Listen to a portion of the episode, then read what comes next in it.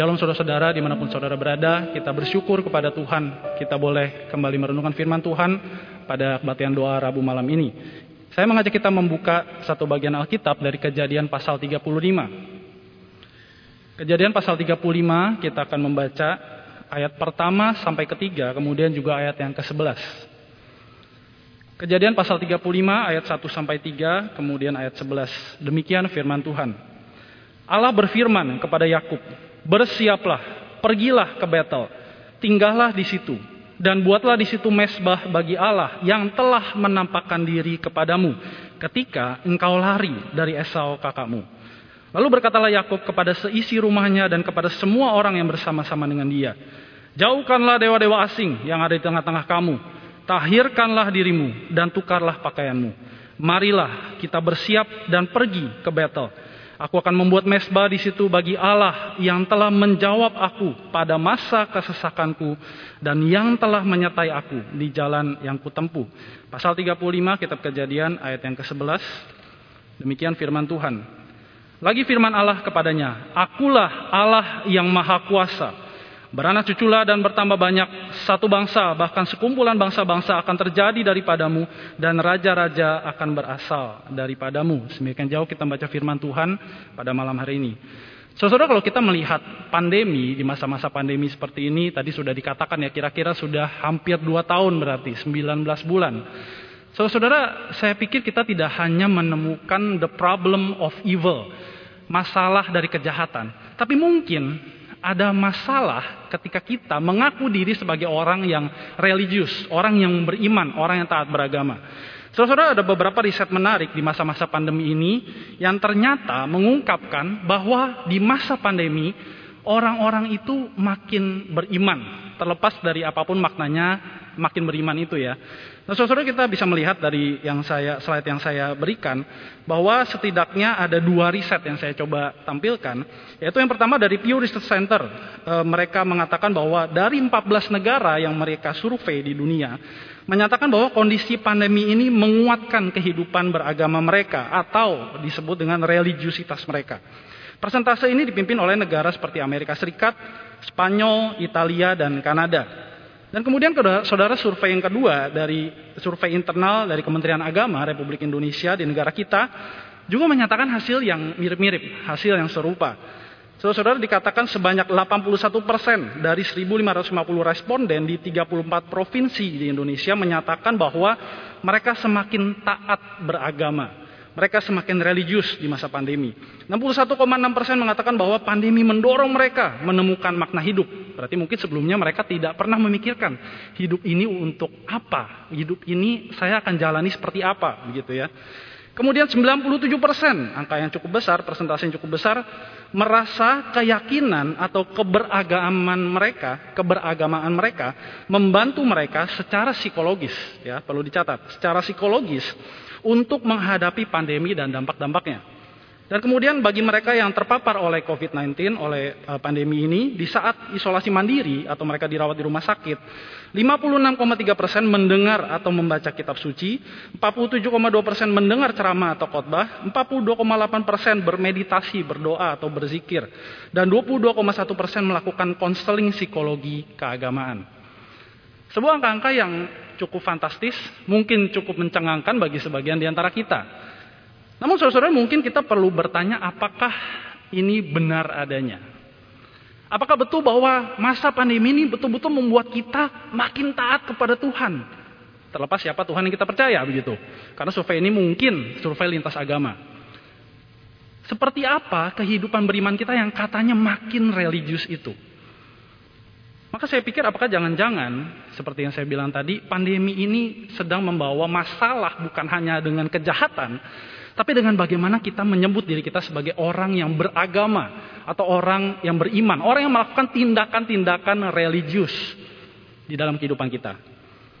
Nah, saudara, kalau kita melihat hal ini, kemudian melihat kehidupan kita sebagai orang Kristen, khususnya di masa-masa kita menyambut Hari Reformasi Gereja, setiap kita pasti kenal dengan kelima sola ini, begitu ya.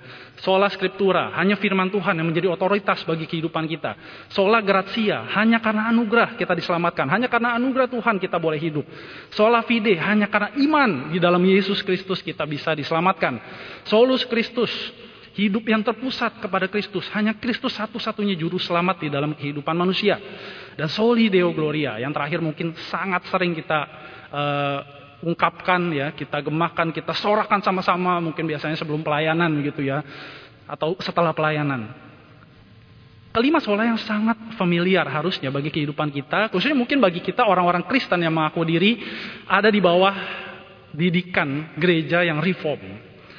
Dan saudara di masa-masa ini menyambut hari reformasi gereja, saya mengajak kita memikirkan apakah kelima sola ini semangat dari reformasi gereja sudah menjadi bagian yang integral, yang formatif, yang membentuk benar-benar iman kita. Atau seperti yang saya bilang tadi, jangan-jangan di masa-masa seperti ini justru kelima sola ini menjadi masalah. Karena kita hanya memahami secara informatif. Atau mungkin seperti yang survei di Kemenak tadi yang dikatakan bahwa membantu secara psikologis jadi ketika kita mungkin, aduh sakit, saya terpapar COVID. Saya ingat sola gratia, semua kan anugerah Tuhan. Aduh anugerah Tuhan, anugerah Tuhan, anugerah Tuhan. Terapeutik sekali begitu ya. Bagi psikolog, keadaan psikologi kita. Apakah hanya seperti itu? Dan mungkin kita bisa lihat kehidupan Kristen kita dari dulu sampai sekarang. Apakah kita betul-betul sudah menghidupi kelima sola ini? Atau, mohon maaf kalau boleh saya plesetkan begitu ya kelima sola ini hanya seperti solaria. Enak dimakan, enak didengar, enak dilakukan, tapi tidak pernah menjadi bagian integral dan formatif di dalam kehidupan kita. Nah, saudara-saudara, saya sangat berharap di dalam perenungan firman Tuhan malam hari ini, kita boleh dibawa untuk tidak hanya tahu tentang semangat reformasi, yang diwakili oleh kelima sola ini. Tapi juga kita boleh menghidupi betul-betul di dalam kehidupan kita dan juga kita boleh dibentuk olehnya melalui setiap pengalaman-pengalaman rohani yang Tuhan berikan. Dan mari kita melihat di dalam kehidupan seorang bernama Yakub di dalam perikop yang tadi kita baca saudara-saudara. Nah, saudara sekilas kalau kita lihat kehidupan Yakub, maka kita akan melihat bahwa kalau di masa sekarang kita bisa bahasakan Yakub itu seperti orang Kristen sejak lahir, kira-kira begitu ya. Dia punya orang tua yang kenal Tuhan. Tapi Yakub sendiri belum benar-benar secara personal mengenal Tuhan. Dia mungkin pernah mendengar kisah tentang Yahweh, tentang Tuhan yang dipercaya oleh orang tuanya, bahkan oleh kakek neneknya begitu. Tapi dia tidak pernah benar-benar mengenal siapa sih Tuhan ini. Siapa Allah yang dipercaya oleh orang tuaku, oleh nenek moyangku begitu. Dan kemudian Yakub juga punya orang tua yang tahu tentang janji Tuhan. Disebutkan di dalam kejadian 25 ayat 19 sampai 23. Tuhan membuat janjinya bukan bagi Esau tapi bagi Yakub. Dia punya orang tua yang tahu janji Tuhan. Tapi semua itu belum benar-benar membentuk kehidupan iman dari seorang Yakub.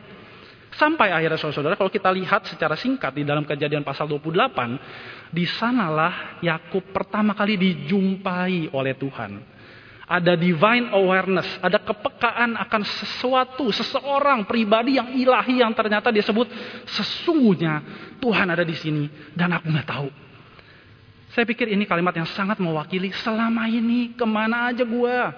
Gue nggak tahu ada Tuhan. Gue cuma denger, gue cuma tahu dari orang tua. Tapi ternyata justru di tengah pelarian, pasal 28 kitab kejadian menyatakan Yakub itu sedang dalam pelarian. Tapi Tuhan, Yahweh itu menjumpai dia dan memberikan janji bagi Yakub dan Yakub seperti kalau kita baca ya, seperti menguji janji Tuhan. Dia mencoba deal dengan Tuhan. Kalau Tuhan begini begini begini, kalau Tuhan begini begini begini, maka aku akan bla bla bla bla bla. Aku akan kembali ke Betel, aku akan mempersembahkan korban syukur bagi Tuhan dan Yahweh itu akan menjadi Allahku. Dan singkat cerita, ketika Yakub menjalani kehidupan dengan divine awareness dan ujian yang coba dia berikan kepada Tuhan, maka sampailah di pasal 35. Namun saudara kita perlu tahu bahwa sebelum pasal 35 ada peristiwa yang sangat mengancam kehidupan Yakub yang menjadi latar belakang kenapa akhirnya Tuhan memanggil Yakub kembali ke Betel. Saudara kalau nanti ada kesempatan baca pasal 34 atau mungkin sekarang sambil saya sedikit menjelaskan, saudara bisa membaca secara singkat kejadian pasal 34. Maka di sana keluarga Yakub atau kita bisa bilang bangsa Israel, ya permulaan dari sebuah bangsa ini sedang terancam. Terancam kenapa? Karena Dina, anak perempuan Yakub diperkosa. Kekudusan dari Israel tercemar. Kekudusan dari Yakub dan keluarganya dan nanti bangsanya tercemar. Kemudian apalagi diajak oleh Sikem, ayolah kawin campur saja begitu. Ini kan saya sudah berbuat salah, saya akan menebusnya. Sehingga kamu tinggal saja di kota ini, tidak perlu lagi ke mana-mana. Sudah bersatulah dengan bangsaku. Begitu. Saudara, ancaman bagi keluarga Yakub. Dan bahkan ketika kita melihat anak-anak laki-laki Yakub memberontak dan mengancam orang-orang penduduk di sana dan bahkan melakukan pembunuhan, di situ kehidupan Yakub dan keluarganya semakin terancam. Tapi di saat seperti itulah justru Tuhan memanggil Yakub untuk pergi ke Betel. Saudara-saudara, ini sekali lagi bukan sebuah momen yang pertama kali. Tapi ini kedua kali. Kedua kalinya Tuhan mau Yakub ada di Betel. Saudara, apa yang Tuhan firmankan ketika Tuhan memanggil Yakub? Mari ajak, saya mengajak kita untuk bersama-sama melihat secara singkat apa sebenarnya yang Tuhan nyatakan melalui panggilannya kepada Yakub. Saudara-saudara di ayat yang pertama dari kejadian 35 yang tadi kita baca. Di sana dijelaskan bahwa dialah Allah yang kata Yakub telah menampakkan diri kepadaku, kepadamu ketika Tuhan berkata, ketika engkau lari. Saudara-saudara di sini kita bisa melihat bahwa Tuhan menampakkan diri kepada Yakub justru di saat-saat yang sulit, masa-masa kritis dalam hidup Yakub. Saudara mungkin kita biasa suka memikirkan, wah penampakan diri Tuhan, penyataan Tuhan itu hadir melalui hal-hal yang bagus dalam kehidupan saya. Tapi saudara firman Tuhan justru mencatat dari seorang Yakub bahwa Tuhan justru menampakkan diri di masa-masa yang sulit di tengah pelarian, di tengah kesendirian Yakub, di tengah ancaman-ancaman kehidupan Yakub, di sana Tuhan hadir dan menampakkan dirinya. Nah, saudara, kalau kita melihat kata yang dipakai di dalam menulis ayat ini, maka kata menampakkan diri itu sama dengan kata yang dipakai ketika Abraham, kakek dari Yakub, mengatakan Tuhan menyediakan Yahweh Ireh, Yehova Ireh. Ketika Tuhan menyuruh Abraham mempersembahkan Ishak, kemudian ada anak domba yang diberikan sebagai ganti Ishak. Dengan kata lain saudara-saudara, Tuhan menyediakan dirinya. Dia tidak hanya sekedar menampakkan dirinya, wah gitu ya. Tapi dia menyediakan dirinya di dalam setiap detil perjalanan hidup Yakub, bahkan justru di masa-masa yang sulit. Kemudian apalagi saudara yang dinyatakan oleh Tuhan.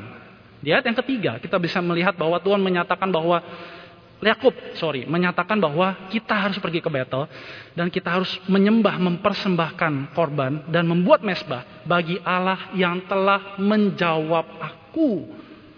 Dan kita bisa pahami sebagai memberi jawab dengan murah hati membuktikan diri seakan-akan Tuhan sedang diuji. Kita ingat bahwa kejadian 28 tadi dicatat bahwa Yakub itu seperti sedang menguji Tuhan. Dan Tuhan seperti membuktikan dirinya terus menerus bahkan di masa-masa sulit dalam kehidupan Yakub. Dan dikatakan juga di ayat ketiga bahwa di sanalah Tuhan menyertai Yakub di dalam masa-masa kesesakannya Saudara, mungkin kita pernah pikir Tuhan akan menyertai kita di masa-masa yang mudah. Tuhan pasti ada bersama dengan kita, Immanuel begitu ya. Di masa-masa yang gampang. Tapi saudara firman Tuhan justru menyatakan Tuhan makin nyata hadir bagi seorang Yakub di dalam masa-masa kesesakannya. Sebuah terjemahan Alkitab, The Message, menyatakan hal yang saya pikir sangat indah untuk kita memahami frasa ini. Menyertai aku tidak pernah meninggalkan aku. Eugene Peterson menuliskan hashtag God has stuck with me everywhere I've gone since. Tuhan itu seperti tidak melepaskan Yakub bahkan ketika Yakub tidak taat, bahkan ketika Yakub mengalami krisis, bahkan ketika Yakub hidupnya terancam. Nah, saudara sebenarnya buat apa sih Tuhan sepertinya capek-capek berbuat ini semua?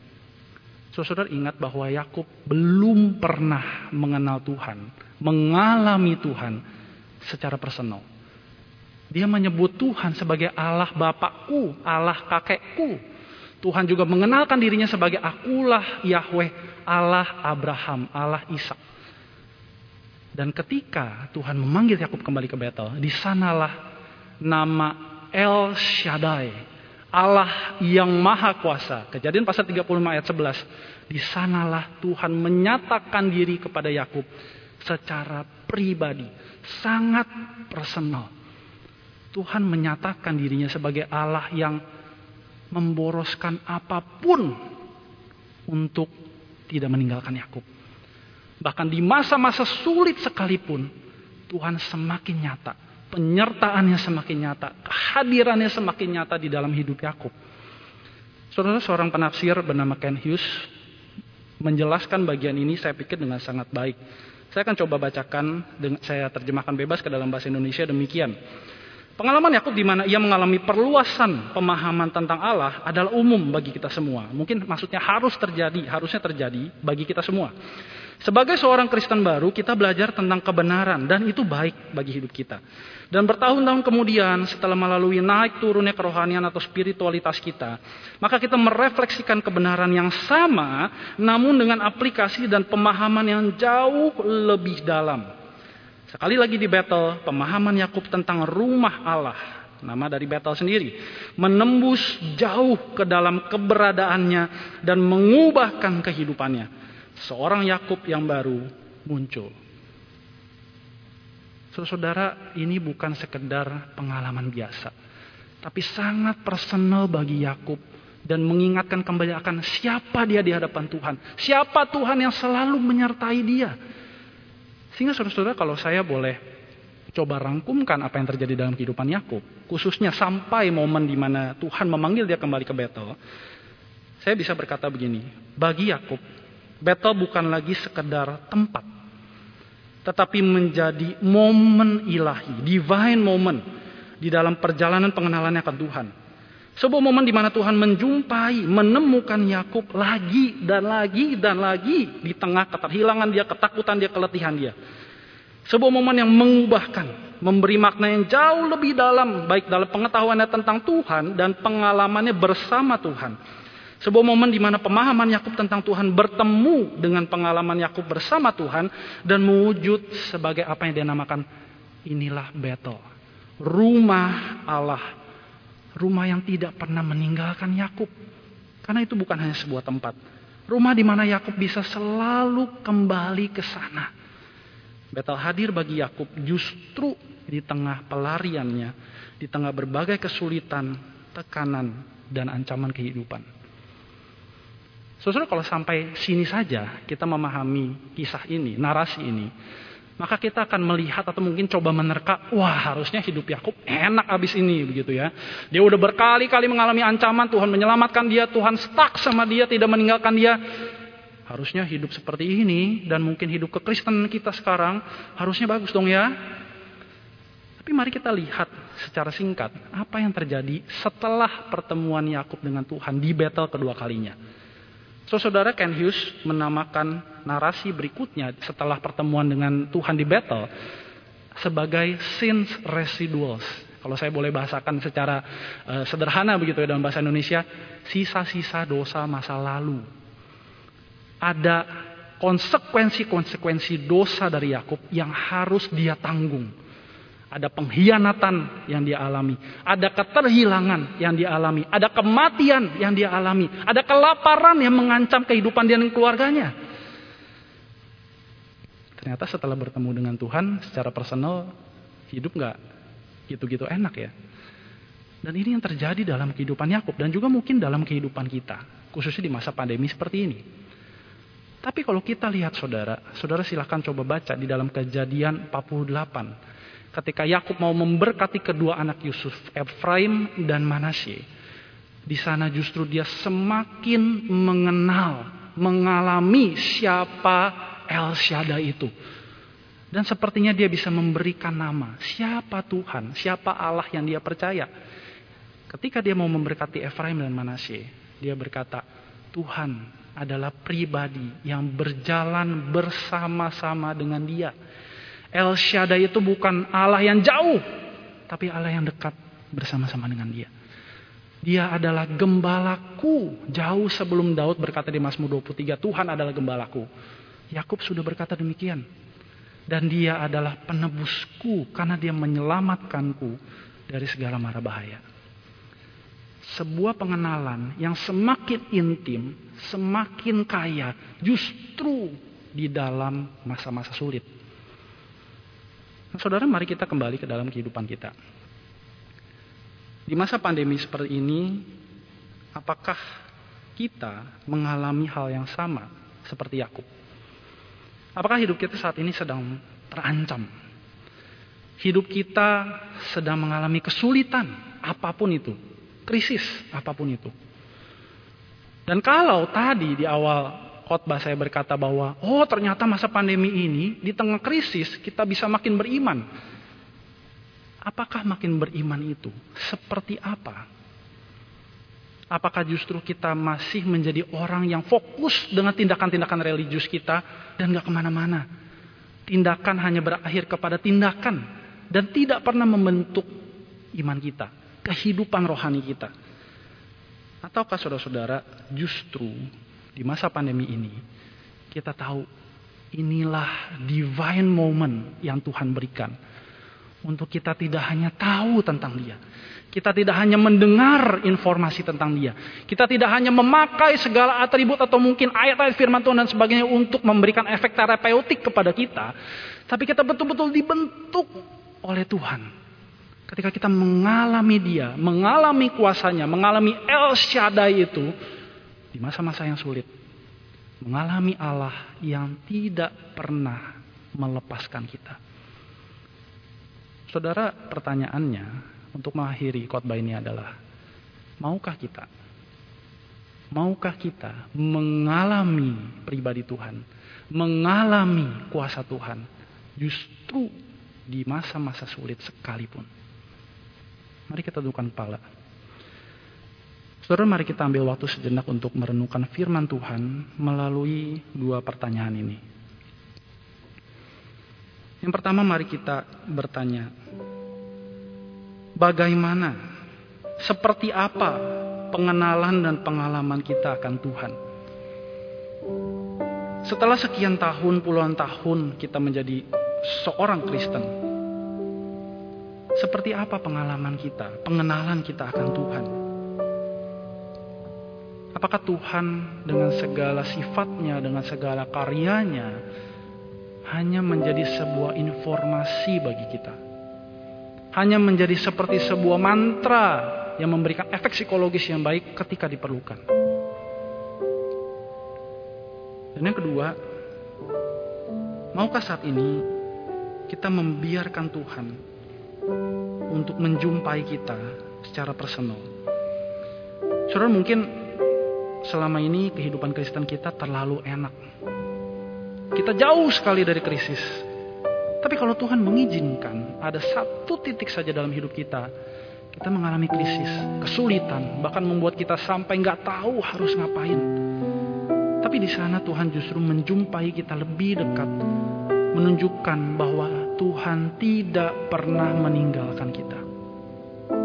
Apakah kita mau dibentuk dengan pengalaman, pengenalan seperti ini? Sehingga iman kita bukan sekedar iman yang omong kosong. Iman yang informatif. Iman yang hanya kita pakai sesaat-saat saja ketika kita membutuhkan. Tapi iman, kehidupan, kerohanian yang betul-betul dibentuk oleh pengenalan dan pengalaman kita bersama dengan Tuhan bahkan di saat-saat yang sulit sekalipun. Mari renungkan firman Tuhan melalui dua pertanyaan ini.